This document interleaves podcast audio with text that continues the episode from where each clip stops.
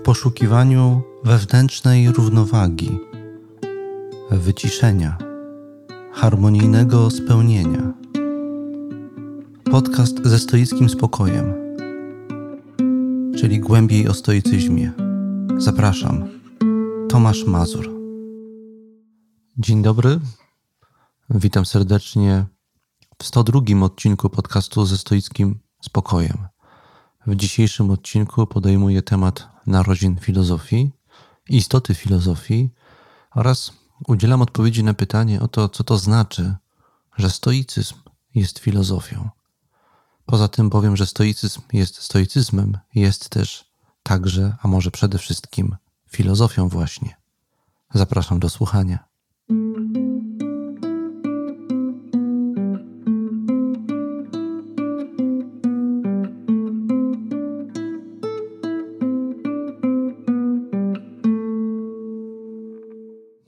A więc w dzisiejszym odcinku, zgodnie z obietnicą, jaką złożyłem w odcinku setnym, w którym mowa była o tym, że tutaj będę pewne zmiany proponował moim słuchaczom i słuchaczkom, a więc w tym dzisiejszym odcinku pierwsza taka zmiana ujrzy światło dzienne.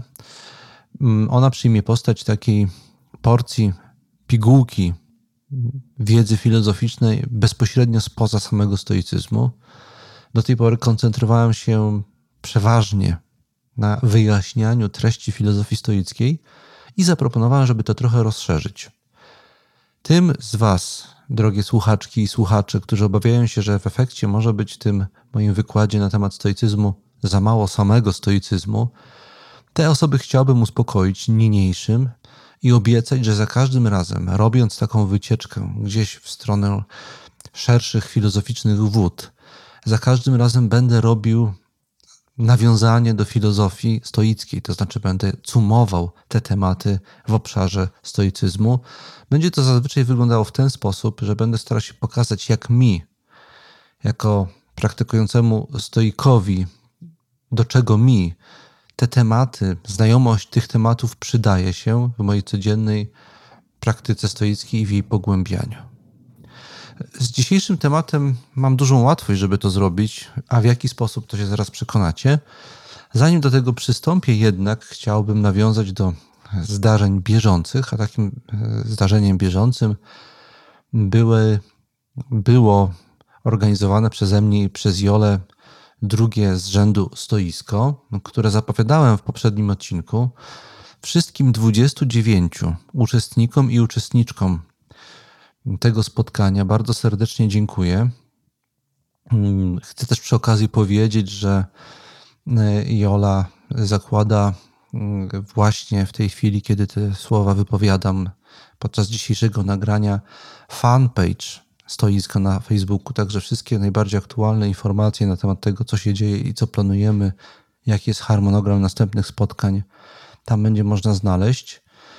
Mm, bardzo dziękuję uczestnikom i uczestniczkom za udział w spotkaniu i za to, że to spotkanie dzięki ich udziałowi okazało się tak udane. Dostaliśmy od Was, ja i Jola, wiele bardzo miłych informacji zwrotnych na temat przebiegu tego spotkania, tego, co się podczas niego wydarzyło.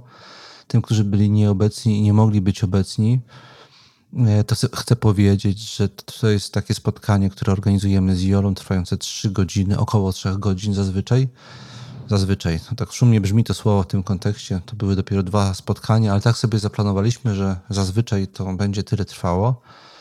Mm, zaczyna się od jakiegoś wstępu, e, są elementy wykładu, są, były, były elementy interakcji, były prace i zadania w grupach. Grupy prezentowały wyniki tych prac.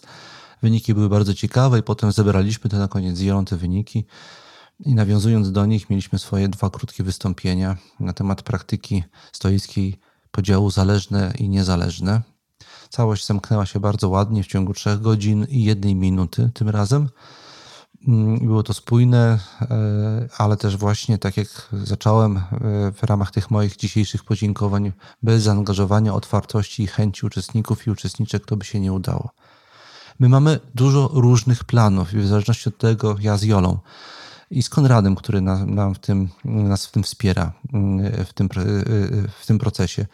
My mamy dużo planów mm, wraz z rozwojem tej inicjatywy wraz z odzewem, jaki od Was dostajemy i też wraz z moimi planami, e, co do których, z których się z Państwu e, Wam zwierzyłem e, pod koniec ostatniego odcinka podcastu, że zamierzam, jeśli zbiorę odpowiednią ilość środków i pewne zabezpieczenie sobie zbuduję finansowe, żeby dalej móc realizować moje cele związane z życiem i wspieraniem rodziny. Jeśli mi się to uda, to ja zamierzam um, zaangażować się tylko w to.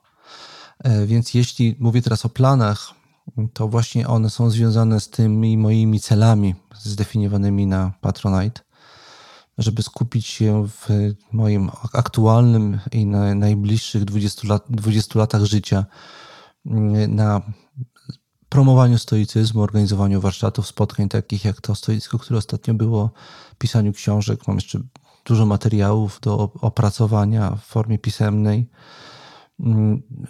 materiałów praktycznych w postaci różnych narzędzi, za pomocą których można skutecznie uprawiać praktykę stoicką, ale jedną z takich rzeczy, którą już tutaj z Jolą omawiamy i zastanawiamy się, jak to zrobić, jest taki duży, ala konferencyjny zjazd stoicki, który ja wstępnie i roboczo, nawiązując do słowa stoisko, określiłem mianem targi stoickie. Chciałbym coś takiego zorganizować. Już nawet e, e, rozważałem kilka miejsc, ośrodków na 50 do 100 osób, które by przyjechały z różnych miejsc Polski, może nie tylko Polski, i podzieliły się swoją, swoimi doświadczeniami, mm, swoimi refleksjami. Chciałbym, żeby to było bardzo praktyczne, trochę w modelu przypominające stoikon oczywiście, ale też będą pewne różnice. A więc zapowiadam, że coś takiego też planuję. Tyle tytułem wstępu i podziękowań. Teraz przechodzę już do rzeczy.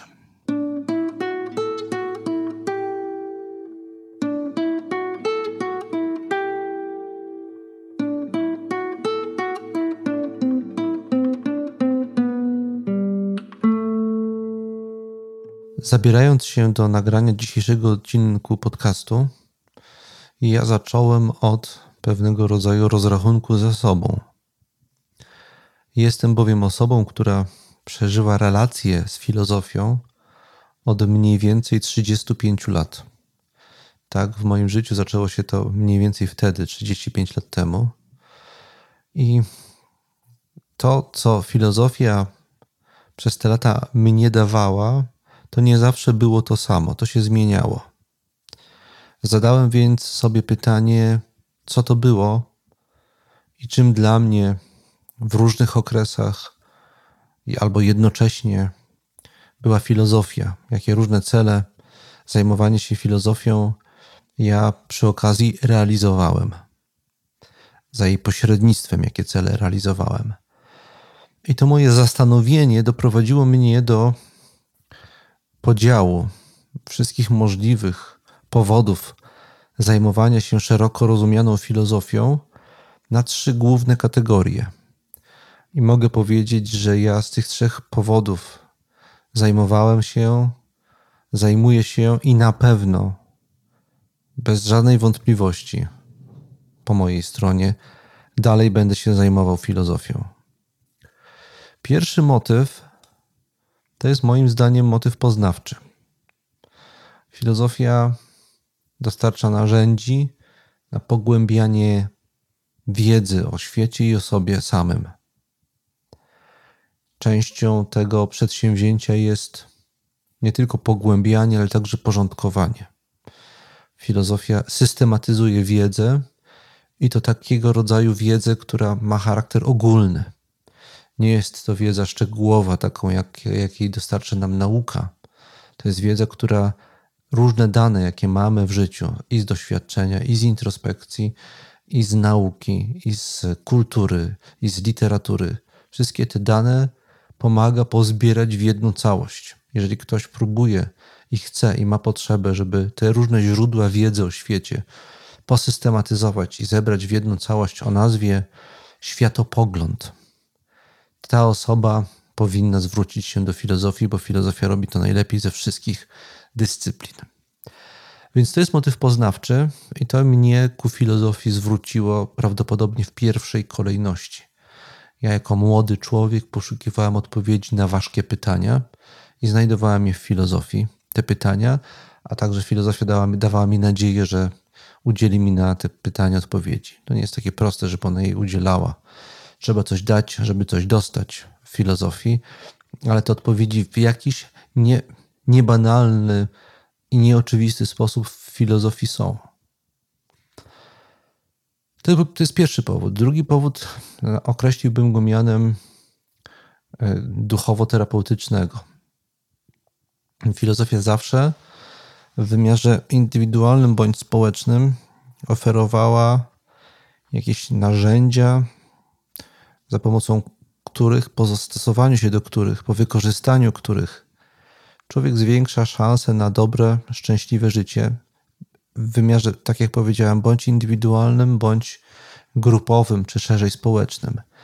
Więc ten motyw można podzielić na dwie części. Pierwsza część to jest ta część indywidualna, osobista, kiedy ktoś praktykując filozofię, filozofię szuka w nich narzędzi, żeby sobie w życiu pomóc, żeby jemu, tej osobie lepiej się żyło. Żeby była pełniejsza, bardziej szczęśliwsza, albo żeby po prostu miała lepsze życie. Ale temu zawsze też towarzyszył motyw yy, szerszy. Yy, szerszy motyw polepszania świata kiedy filozofia e, liczyła, kiedy filozofowie sądzili, że za pomocą wypracowanych w warsztacie filozofa, w głowie filozofia, filozofa pomysłów i narzędzi, ideałów, można zmienić świat w lepsze miejsce.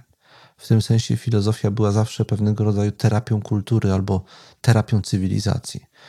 Tak niektórzy komentatorzy na przykład określają projekt filozoficzny Ludwika Wittgensteina. Z jednej strony wydaje nam się, że jest to trudny filozof, który analizował język, mm, e, za pomocą którego opisujemy rzeczywistość i starał się nam pomóc ten język usprawnić, ulepszyć, żeby opisywał tą rzeczywistość w może w możliwie najbardziej adekwatny sposób. Ale temu wszystkiemu przyświecała u Wittgensteina idea i myśl, że jeżeli my usprawnimy naszą komunikację, to zlikwidujemy cały szereg przyczyn konfliktów międzyludzkich i unikniemy tych konfliktów, w efekcie czego świat stanie się lepszym miejscem. W tym sensie dla Wittgensteina filozofia to jest terapia kultury, terapia ludzkości. I wielu filozofów tak na to patrzyło, sądząc, że oni dzięki filozofowaniu zmienią świat. Pierwszy, który tak wyraźnie na to patrzył, był e, w Grecji Sokrates, a we Włoszech Pitagoras we Włoszech, wówczas greckich. Mm, to jest drugi motyw, druga charakterystyczna cecha filozofii. Trzecia charakterystyczna cecha filozofii, którą zawsze odkrywałem, jest najmniej oczywista. Mm, uważam, że filozofia ma rys, zawsze miała rys przygodowo-awanturniczy. Kiedy zaciekawieni jakimś problemem, albo zdziwieni jakimś zjawiskiem.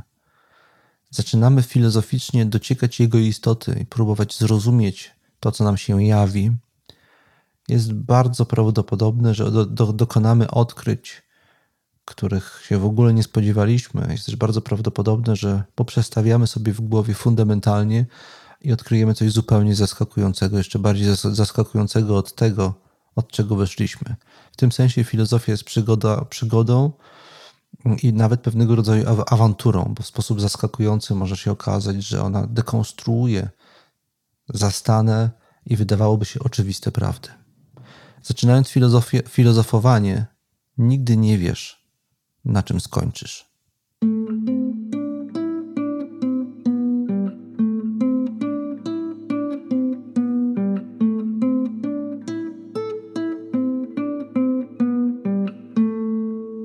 Przejdźmy teraz do odpowiedzi na pytanie o narodziny filozofii.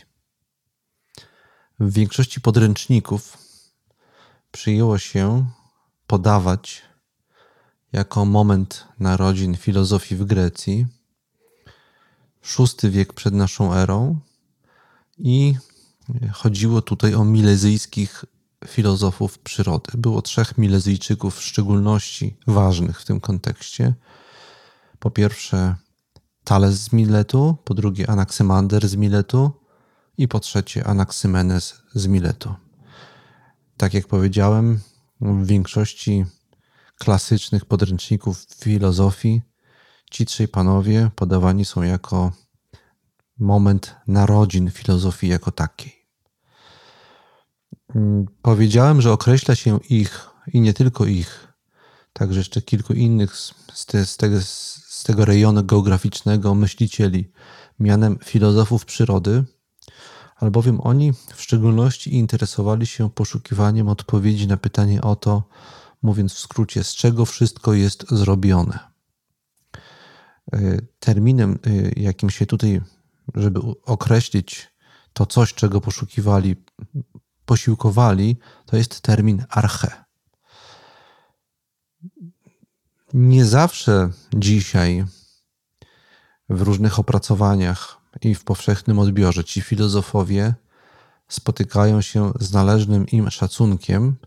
Z tego powodu przede wszystkim się z tym nie spotykają, gdyż podawali w poszukiwaniu swoich odpowiedzi na to pytanie kluczowe, jakie sobie postawili, podawali odpowiedzi, które nam się wydają dzisiaj trywialne bądź wręcz śmieszne.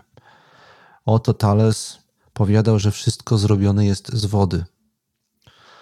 Oto Anaksymander powiadał, że wszystko jest z jakiegoś niejasno przez niego zdefiniowanego bezkresu.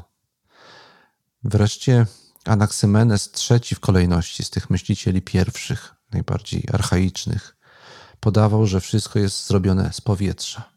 Z kolei Heraklit żyjący nieco później i uprawiający swoją filozofię w Efezie, powiadał, że wszystko jest zrobione z ognia, że ogień jest tym, tym arche, tą archetą, najbardziej pierwotną substancją, z której wszystko pochodzi. To faktycznie, kiedy przedstawiam to tak, jak przedstawiam, wydaje się dzisiaj mało interesujące, mało aktualne, trochę trywialne i trochę śmieszne. Jednak tym, co stanowi zasługę tych trzech filozofów. Nie są literalnie brane, ściśle w tym tego słowa znaczeniu brane odpowiedzi. Nie chodzi o wagę merytoryczną tych odpowiedzi, ale przede wszystkim o metodologię, jakiej oni użyli, żeby te odpowiedzi sformułować, a w szczególności uzasadnić. Trzej Milezyjczycy, których wymieniłem, byli ściśle rzecz biorąc radykalnymi rewolucjonistami w zakresie tego, co wiemy o świecie i jak to uzasadniamy. Przed nimi większość ludzi, w tym co uważała za prawdziwe na temat natury rzeczywistości, kierowała się podaniami mitologicznymi źródłami poetyckimi, a więc e, ni mniej, ni więcej tylko tradycją. Przyjmowano to, co im się przekazuje, to, co przekazują im jako odpowiedzi na ważne pytania wszelkiego rodzaju poetyckie i religijne autorytety. Autorytety były źródłem wiedzy. Dowodem było natchnienie poetyckie i inspiracja boska. Tymczasem, porównując ze sobą różne funkcjonujące w obiegu odpowiedzi na najbardziej podstawowe pytania.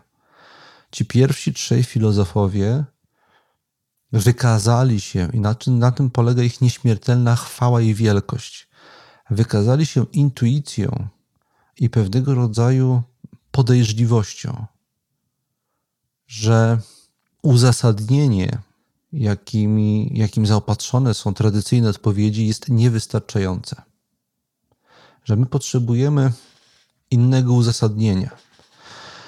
I tym uzasadnieniem, jakiego oni poda, uzasadnienie, jakie podawali do ogłoszonych przez nich twierdzeń, to było uzasadnienie, które jest bardzo zbliżone do myślenia, do współczesnego myślenia empirycz, empirycznego. Tym, co wyróżnia Thalesa i jego następców w stosunku do wszystkich ówczesnych im ludzi myślących, było to, że na poparcie głoszonych przez nich twierdzeń podawali logiczne, empiryczne uzasadnienie. Thales na przykład powiadał, że woda zmienia stany skupienia. Poddana obróbce termicznej może zamienić się w parę, a więc w coś, co przypomina powietrze, albo może stwardnieć pod wpływem obróbki termicznej i wyglądać jak lód, a więc coś, co przy, przypomina ciało stałe. Doszedł na tej podstawie do wniosku i tak to uzasadniał, że skoro woda może zmieniać w taki sposób stany skupienia, to możemy sobie wyobrazić, że wszystkie formy materii jakoś z niej pochodzą. Wiemy, że dzisiaj tego rozumowania utrzymać się nie da. Łatwo jest je zakwestionować, opierając się na współczesnym stanie wiedzy. Jednak wielkość Talesa, tak jak powiedziałem, nie leży w tym, że podał to konkretne uzasadnienie. Chodzi o charakter tego uzasadnienia, że próbował uzasadnić swoją tezę nie przez odwołanie się do autorytetów, do natchnienia, do inspiracji boskiej, tylko do rozumu, do uzasadnienia poprzez doświadczenie. Na tym polegała ich wielkość. Ich wielkość polegała jeszcze na jednej rzeczy, którą warto w tym kontekście wspomnieć. Mianowicie na tym, że mieli głębokie przekonanie, intuicję, że u podstaw wszystkiego, co znamy, istnieje jakaś jedna prosta zasada, którą jeśli poprawnie uchwycimy, pomoże nam zrozumieć naturę wszystkich rzeczy w świecie. Tą jedną prostą zasadą miała być arche. I arche miała co najmniej trzy istotne cechy. Miała cechę materialną, była czymś, z czego wszystko jest zrobione. Miała następnie cechę dynamiczną, sprawczą. Ona zawierała w sobie element i źródło wszelkich przemian w świecie. Wreszcie posiadała ona cechy quasi-boskie. Była czymś, co stanowi podstawę wszystkiego, co żywe i poruszające się w świecie. I ta totalność namysłu, totalność i odwaga namysłu pierwszych filozofów wyrażała się w tym, że w tym także, że nie bali się powiedzieć, to Anaximenes, Anaximenes zdaje się powiedział, że jeżeli istnieją bogowie, tak jest sformułowana jego myśl, to oni także muszą być zrobieni z powietrza. A więc wielkość tych myślicieli polegała na tym, że po raz pierwszy sformułowali istnienie jakiejś najbardziej podstawowej zasady albo zbioru zasad, które odpowiadają na, za całą różnorodność rzeczy w świecie. Tym, co było punktem wyjścia refleksji w tamtych czasach, jest pewnego rodzaju zdziwienia światem. Zdziwienia, które moim zdaniem towarzyszy nam cały czas. Jak w świecie występuje jednocześnie szalona różnorodność i jakaś spajająca tą różnorodność w jedną spójną całość zasada, sprawiająca, że ta różnorodność się nie rozpada na ogrom alternatywnych rzeczywistości. Tylko ta rzeczywistość, w której żyjemy, jest jakąś logiczną, strukturalną całością. Jaka jest zagadka tej wielości i jedności jednocześnie? Jaki jest sekret jedności leżącej u podstaw rzeczywistości i naszego doświadczenia tej rzeczywistości? To jest pytanie, które im przyświecało i które jakoś nam, jako ludziom, cały czas przyświeca. Cały czas poszukujemy różnych prostych zasad leżących u podstaw tego, co wydaje się bardzo skomplikowane. Oni jako pierwsi tak jasno to sformułowali i od tamtego czasu cały czas tego poszukujemy. Natomiast, i to często mówię, nasza wdzięczność w stosunku do tych filozofów powinna się wyrażać w tym, że za każdym razem, kiedy włączamy jakieś skomplikowane techniczne czy elektroniczne urządzenie i nie dziwimy się, że ono działa, bo po prostu wiemy, że ono działa, dlatego że istnieją pewne uniwersalne prawa nauki, prawa przyrody, dzięki którym one działają. Odkrycie ich istoty ich działania i tych praw nie byłoby możliwe, gdyby nie radykalny zwrot w myśleniu i w sposobie uzasadniania twierdzeń, jaki zapoczątkowali, ci trzej filozofowie, o których tutaj mówię. Dlatego jesteśmy im winni dozgodną wdzięczność i powinniśmy pamiętać o tych trzech nazwiskach: Thales, Anaksymander i Anaksymenes. Gdyby nie oni, może byśmy nie byli w stanie dzisiaj uchwycić reguł leżących u podstaw świata. I pamiętajcie o odwadze, jaka musiała temu towarzyszyć. Oni zdecydowali się spróbować całkiem inaczej myśleć o świecie. Jak wielu z nas dzisiaj na to stać?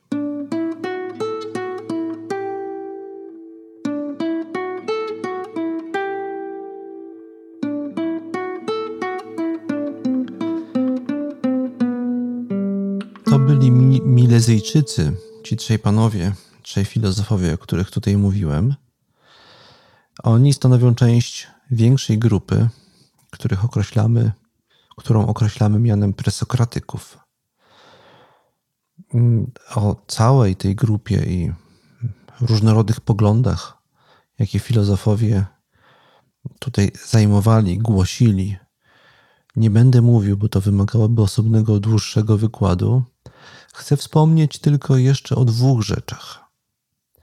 Po pierwsze, chcę powiedzieć, że niezależnie od narodzin filozofii w, w, w Milecie, który dodam, znajduje się na terenie współczesnej Turcji i będący, jest to teren będący jednocześnie terenem nie Europy, tylko Azji, Azji Mniejszej. Więc można powiedzieć, że ci, którzy wierzą, że filozofia narodziła się w Europie, muszą to skorygować, bo ściśle rzecz biorąc, geograficznie rzecz biorąc, narodziła się w Azji Mniejszej. Równolegle do narodzin filozofii y, w Milecie i potem jego okolicach, nieco później, zupełnie niezależnie od tamtego zjawiska, powstała filozofia pitagorejska, tak jak już powiedziałem, na terenie współczesnych Włoszech, na y, Półwyspie Włoskim. Pitagoras, o którym również można by tutaj długo i osobno mówić, był niezwykle ciekawą i tajemniczą postacią, ale tym, co krótko w dwóch zdaniach chcę o nim powiedzieć, jest to, że o ile dla Milezyjczyków kluczowym filozoficznym pytaniem było pytanie o pytanie teoretyczne, o naturę rzeczywistości. O to, jak powiedziałem, z czego wszystko jest zrobione. Pytanie o archę. O tyle głównym pytaniem motywującym dociekania filozoficzne Pitagorasa było pytanie o zbawienie duszy. O to, od czego zależy doskonałe szczęście i jak na drodze spekulacji filozoficznej to szczęście uzyskać. Pitagoras stworzył nie tyle system filozoficzny, co pewnego rodzaju filozoficzno-duchowo-religijną sektę. Pitagorejczycy stanowili dość hermetyczną grupę, grupę przestrzegającą całego szeregu reguł, reguł życia.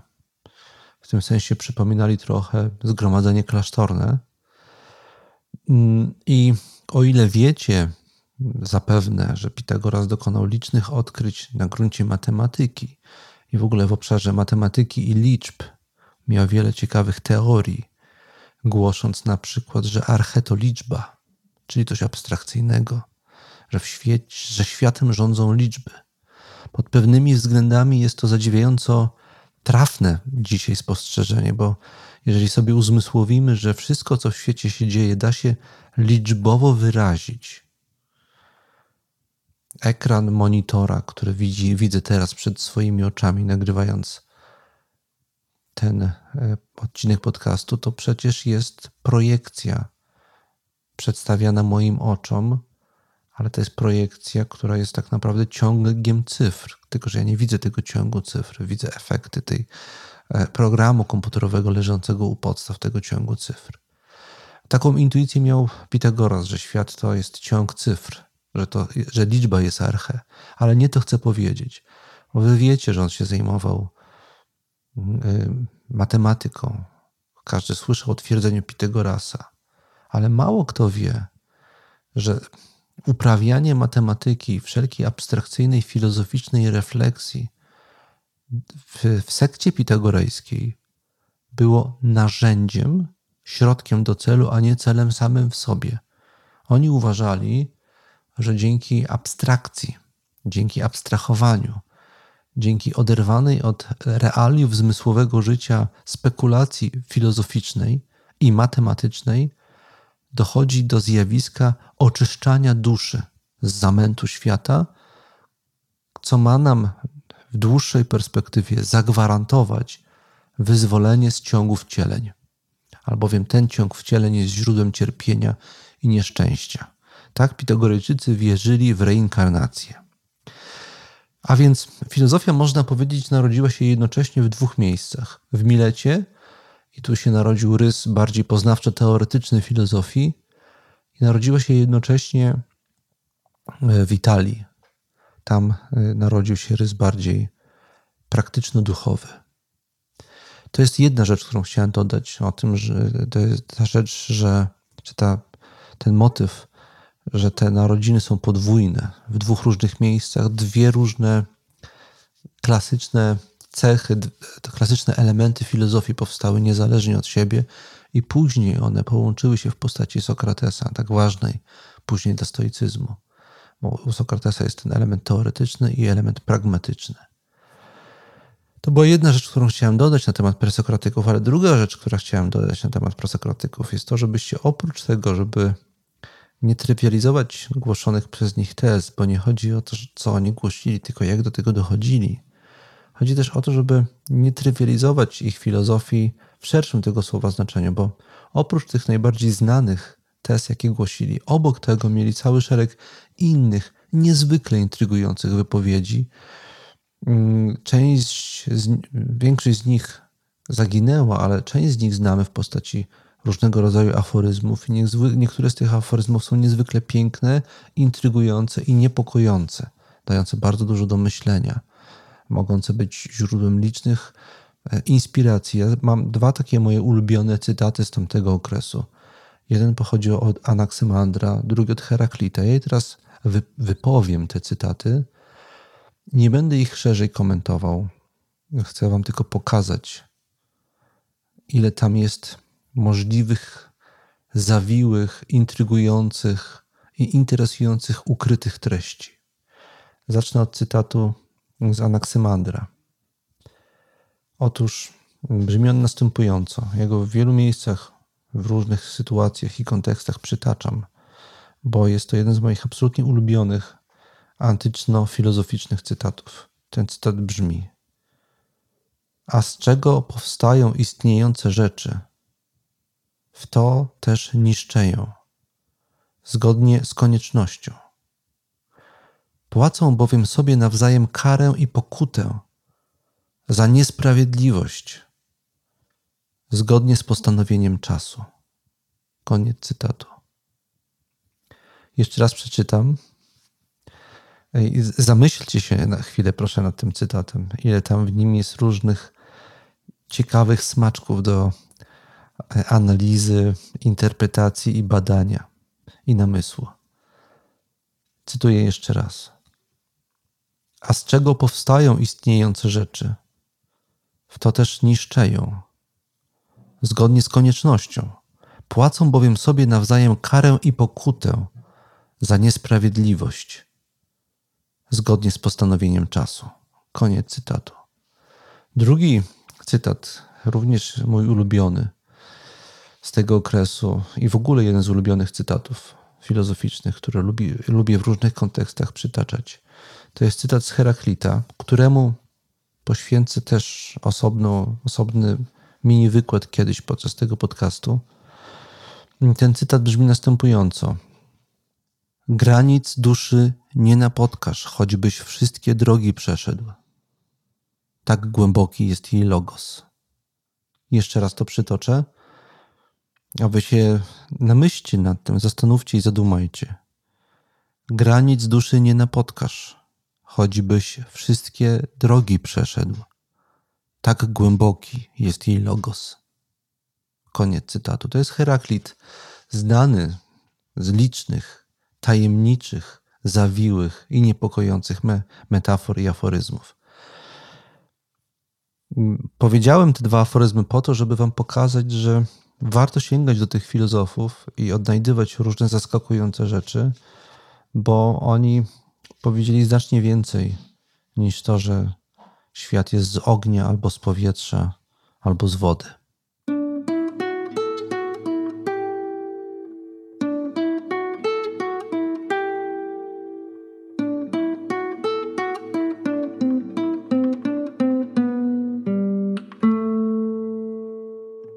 VI wiek przed naszą erą i wyczyny z jednej strony Milezyjczyków, z drugiej strony Pitagorejczyków nie zawsze jednogłośnie wskazywane są przez historyków jako moment kluczowy w filozofii, czy wręcz w ogóle jako moment narodzin filozofii w pełnym tego słowa znaczeniu. Albowiem z jednej strony Pitagorejczycy to była raczej sekta religijna, używająca pewnych elementów tego, co weszło potem na stałe do filozofii, instrumentalnie do celów osiągnięcia religijnego zbawienia.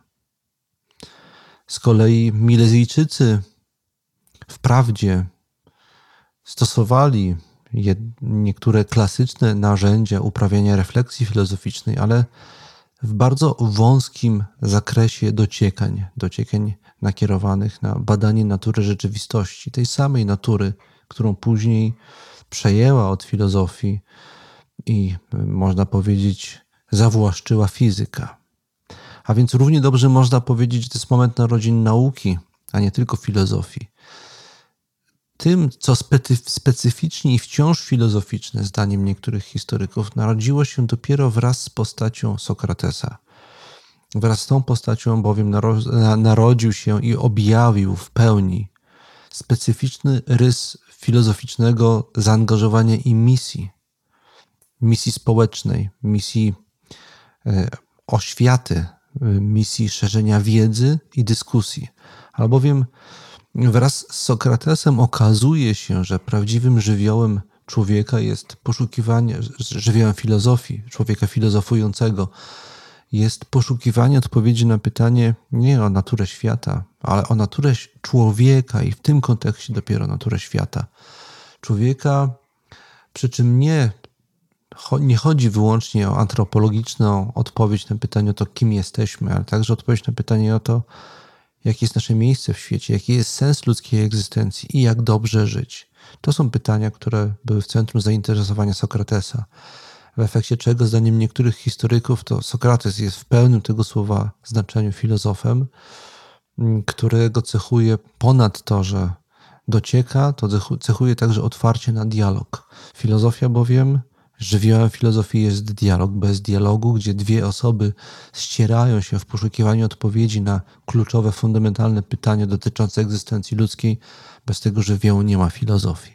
W tym sensie można powiedzieć, że postać Sokratesa to jest drugi moment narodzin filozofii.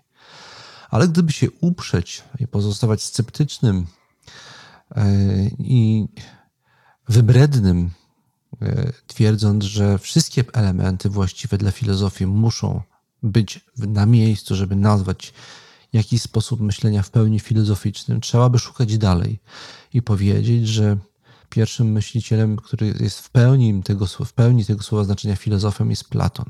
Poza sprawą Platona po pierwsze postać Sokratesa nabrała filozoficznego charakteru, a po drugie Platon jest tym filozofem, który łączy ze sobą dyscypliny. Milezyjczycy zajmowali się wyłącznie, można powiedzieć, metafizyką, odpowiedzią na pytanie o naturę rzeczywistości. Sokrates zajmował się wyłącznie człowiekiem.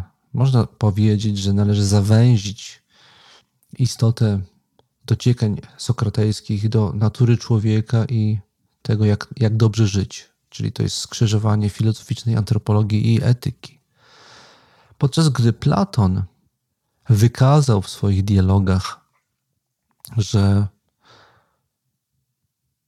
filozofia podejmuje wszystkie zagadnienia, albowiem wszystkie zagadnienia dotyczące i niedotyczące człowieka, jeżeli raz zaczniemy myśleć filozoficznie, są, okazuje się ze sobą powiązane. A więc Platon podjął się wszystkich tematów filozoficznych, wszystkich, albo objął namysłem filozoficzne, filozoficznym wszystkie możliwe dziedziny namysłu. Będąc pod tym względem pionierem w, każdej, w, w, każdej, w prawie każdej dyscyplinie wiedzy. Zajmował się poezją, sztuką, kulturą, religią, e, istotą poznania, ontologią, naturą bytu, etyką istotą człowieczeństwa, filozofią polityki. Wszystkie działy obejmowane później przez filozofię znajdują swoje jakieś narodziny w dialogach platońskich.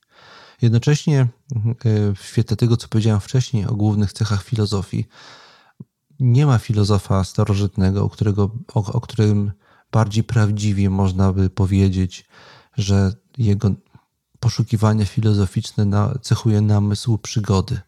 Kiedy zaczynamy czytać tekst platoński, jakiś dialog platoński, kiedy za, zaczynamy od jakiegoś postawionego w punkcie wyjścia pytania, nigdy nie wiemy, do czego dotrzemy na końcu.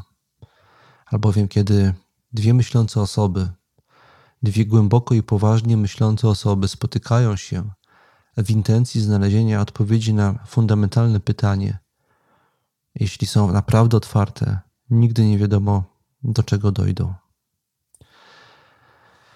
I w tym miejscu chciałem jeszcze na koniec tej części powiedzieć o jeszcze jednym możliwym początku filozofii.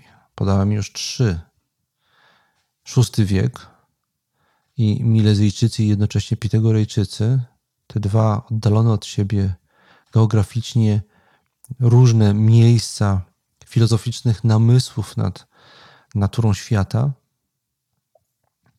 Drugi moment narodzin filozofii to jest postać Sokratesa i sprowadzenie filozofii w obszar dociekań natury człowieka i tego, co dobre.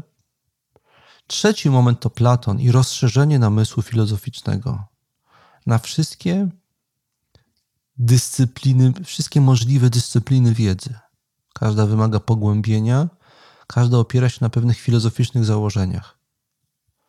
Dlatego Whitehead później powiedział, że cała historia filozofii nowożytnej i współczesnej to są przypisy do Platona, albowiem Platon jako pierwszy pokazał, że namysł filozoficzny zadomawia się w każdej dziedzinie rzeczywistości, jeśli tylko na nią odpowiednio refleksyjnie spojrzymy. To był trzeci moment narodzin filozofii, więc szósty wiek, potem czwarty wiek, czyli Sokrates i Platon. I wreszcie ostatnia z tych postaci, których chciałem tutaj wymienić i o której nie można nie wspomnieć, Arystoteles. Cechą filozofii Arystotelesa, i to jest coś, co odróżnia go od wszystkich poprzednich filozofów, jest to, że jako pierwszy świadomie i konsekwentnie tworzy system filozoficzny. E, przez system filozoficzny mam na myśli system powiązanych ze sobą logicznie tez na temat natury rzeczywistości i po wykazanie, jak z jednej tezy wynika drugi, druga teza w zupełnie innym obszarze i jak ze sobą wszystkie te tezy na temat natury rzeczywistości poszczególnych jej części są ze sobą logicznie powiązane. Platon nie tworzy systemu filozoficznego. Można wyczytać z różnych dialogów platońskich jakieś zalążki tego systemu, ale pomiędzy poszczególnymi dialogami Platona nie ma jednej nici logicznej, która by je łączyła w jakiś rzeczywiście spójny, całościowy ogląd świata i system. To są, można powiedzieć, próby wglądu w naturę rzeczywistości podejmowane z bardzo różnych perspektyw. Podczas gdy Sokrates, podczas gdy Arystoteles od początku bardzo konsekwentnie próbuje budować system filozoficzny, wychodząc od filozofii pierwszej, czyli metafizyki, wskazując, jakie są główne tezy do, do postawienia na temat rzeczywistości w tym obszarze, i następnie na nich wybudując, kładzie niby kolejne warstwy budowli kolejne dziedziny rzeczywistości, które nas otaczają, kolejne działy wiedzy filozoficznej e, z coraz bardziej szczegółowymi i konkretnymi tezami. W ten sposób projektuje pierwszy spójny, całościowy system wiedzy o świecie, jaki jest dostępny dla poznania człowieka. Przy czym ten system i ten namysł od początku cechuje pewien rys, od którego tutaj zacząłem i na którym chcę skończyć. Zacytuję mm, zdanie autora wstępu do metafizyki Arystotelesa, Kazimierza Leśniaka. Cytowałem to zdanie w trochę innym kontekście, ale podobnym jednak, podczas ostatniego stoiska, więc uczestnicy i uczestnicy, uczestniczki i uczestnicy tego wydarzenia rozpoznają to zdanie. Otóż Kazimierz Leśniak o metafizyce i metodzie, jaką stosuje Arystoteles w tym tekście, metodzie refleksji filozoficznej, Kazimierz Leśniak pisze tak, cytuję. Metafizyka jako całość nie przedstawia systemu dogmatycznego, lecz przygody myśli w poszukiwaniu prawdy. Koniec cytatu. I tym jest właśnie filozofia. Filozofowie y, od początku uświadamiają sobie, że to, co oni głoszą na temat natury rzeczywistości, jest to spekulacja, a nie niepodważalne prawdy. I tej spekulacji towarzyszy duch przygody. I tak było zawsze, i tak zawsze będzie. Częścią tego ducha przygody jest po pierwsze niepewność wyników, niepewność założeń, ale po drugie element ryzyka. Istotą przygody jest to, że jak się wyprawiamy w podróż, jak wyruszamy w podróż, która może być pełna przygód, to nie wiemy, czy to się skończy dobrze, czy źle. I takie ryzyko filozofia ze sobą niesie. Istotą tego ryzyka, co mam na myśli, mówiąc, że jest w tym ryzyko, jest to, że my, uprawiając filozofię, dotykamy najbardziej czułych strun naszego jestestwa. To, czym jesteśmy, opiera się na pewnych założeniach na temat natury rzeczywistości i nas samych. Te założenia na co dzień wykorzystywane są przez nas do tego, żeby zrozumieć, kim jesteśmy i jakich decyzji, jakie decyzje powinniśmy w poszczególnych sytuacjach życiowych podjąć, jakich wyborów dokonać. Bez tych założeń, na których nasza egzystencja, nasze jestestwo się opiera, założeń mówiących nam o tym, czym jest świat i jaka jest nasza rola w tym świecie, kim my jesteśmy, jakie jest, jak, jak jest nasze w tym świecie miejsce. Bez tych założeń nie moglibyśmy podjąć żadnej decyzji, nie wiedzielibyśmy, kim jesteśmy i dokąd zmierzamy. Otóż konsekwentne filozofowanie jest też przygodą w tym właśnie sensie, że ono pozwala nam dokopać się do części z tych założeń i poddać je modyfikacji, w efekcie czego możemy stać się zupełnie innymi ludźmi. I z tym wiąże się pewne ryzyko, bo sami siebie możemy przestać rozpoznawać, a także inni mogą nas przestać rozpoznawać.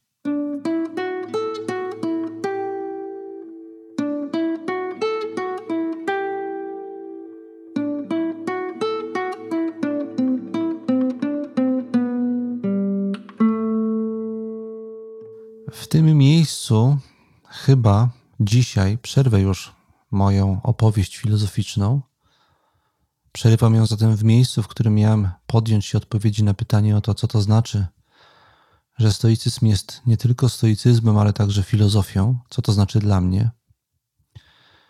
Przenoszę moją odpowiedź na odcinek następny, czyli 103, który już wkrótce, niebawem bowiem a zabieram się za nagrywanie następnej części.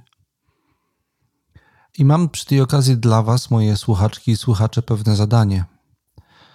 Bo wydaje mi się, że w świetle tego, co dzisiaj tutaj powiedziałem o filozofii, oraz w świetle tego, co wiecie o tym, jak ja rozumiem stoicyzm, a o tym wiecie z poprzednich odcinków, pewien zarys odpowiedzi na to pytanie pewnie Wam już w głowach się rysuje.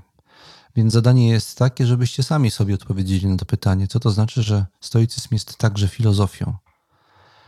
A ja Wam w następnym odcinku odpowiem tak, jak mnie się to w głowie na chwilę obecną układa, i porównamy sobie te odpowiedzi, zobaczymy, czy Was czymś zaskoczę. Przypominam na koniec to, od czego zacząłem e, i co jest ważne, dla wszystkich, którzy zajmują się filozofią, a więc także dla Was, bo słuchając mnie, w pewnym sensie zajmujecie się filozofią, wpuszczacie ją do swojego życia. A więc przypominam, że filozofia ma te trzy aspekty. I prędzej czy później w przypadku każdej osoby, która się nią zajmuje, te trzy aspekty muszą się pojawić. To jest po pierwsze aspekt poznawczy, porządkujący wiedzę o świecie. Po drugie, aspekt terapeutyczno-praktyczny, próbujący w tym świecie, pomagający odnaleźć w tym świecie drogę do dobrego życia w wymiarze indywidualnym i grupowym. I wreszcie jest trzeci aspekt aspekt przygodowy. Od tego zacząłem i na tym kończę. I przechodzę do podziękowań. Dziękuję, że jesteście i towarzyszycie mi w tej drodze, w tej przygodzie filozoficznej, chyba mogę już teraz powiedzieć. I też dziękuję Wam wszystkim za wsparcie, e, tym, którzy robią to czynnie w postaci darowizm za pośrednictwem platformy Patronite. Też bardzo gorąco dziękuję. To mnie motywuje nie tylko do nagrywania kolejnych odcinków, ale także do tego, co już powiedziałem, z czego się zwierzyłem, żeby pomyśleć inaczej o swojej przyszłości i zaplanować w pewnym momencie skoncentrowanie się już tylko na stoicyzmie dla Was. E, w szczególności dziękuję najbardziej hojnym darczyńcom. Wymienię nazwiska tych z Was, którzy nie wspierają mnie anonimowo. Jest to Jacek Byrt, Ludwik Sienica, Łukasz Mandzyn, Zbigniew Celej, Mateusz Koj, Jakub Barański, Mateusz Olczyk, Wojciech Gryta, Tomasz Kuczyk, Beata Stańczek, Michał Lemurski, Justyna Metryka, Szymon Rogaliński, Jolanta Księżak, Iwona Jóźwińska, Bartosz Szarowar, Asenata Szczesny i Piotr Skronik. Za Wasze wsparcie bardzo gorąco Wam dziękuję. Do usłyszenia w następnym odcinku podcastu. A patronów i patronki oczywiście także zapraszam do wysłuchania dogrywki na platformie Patronite Audio.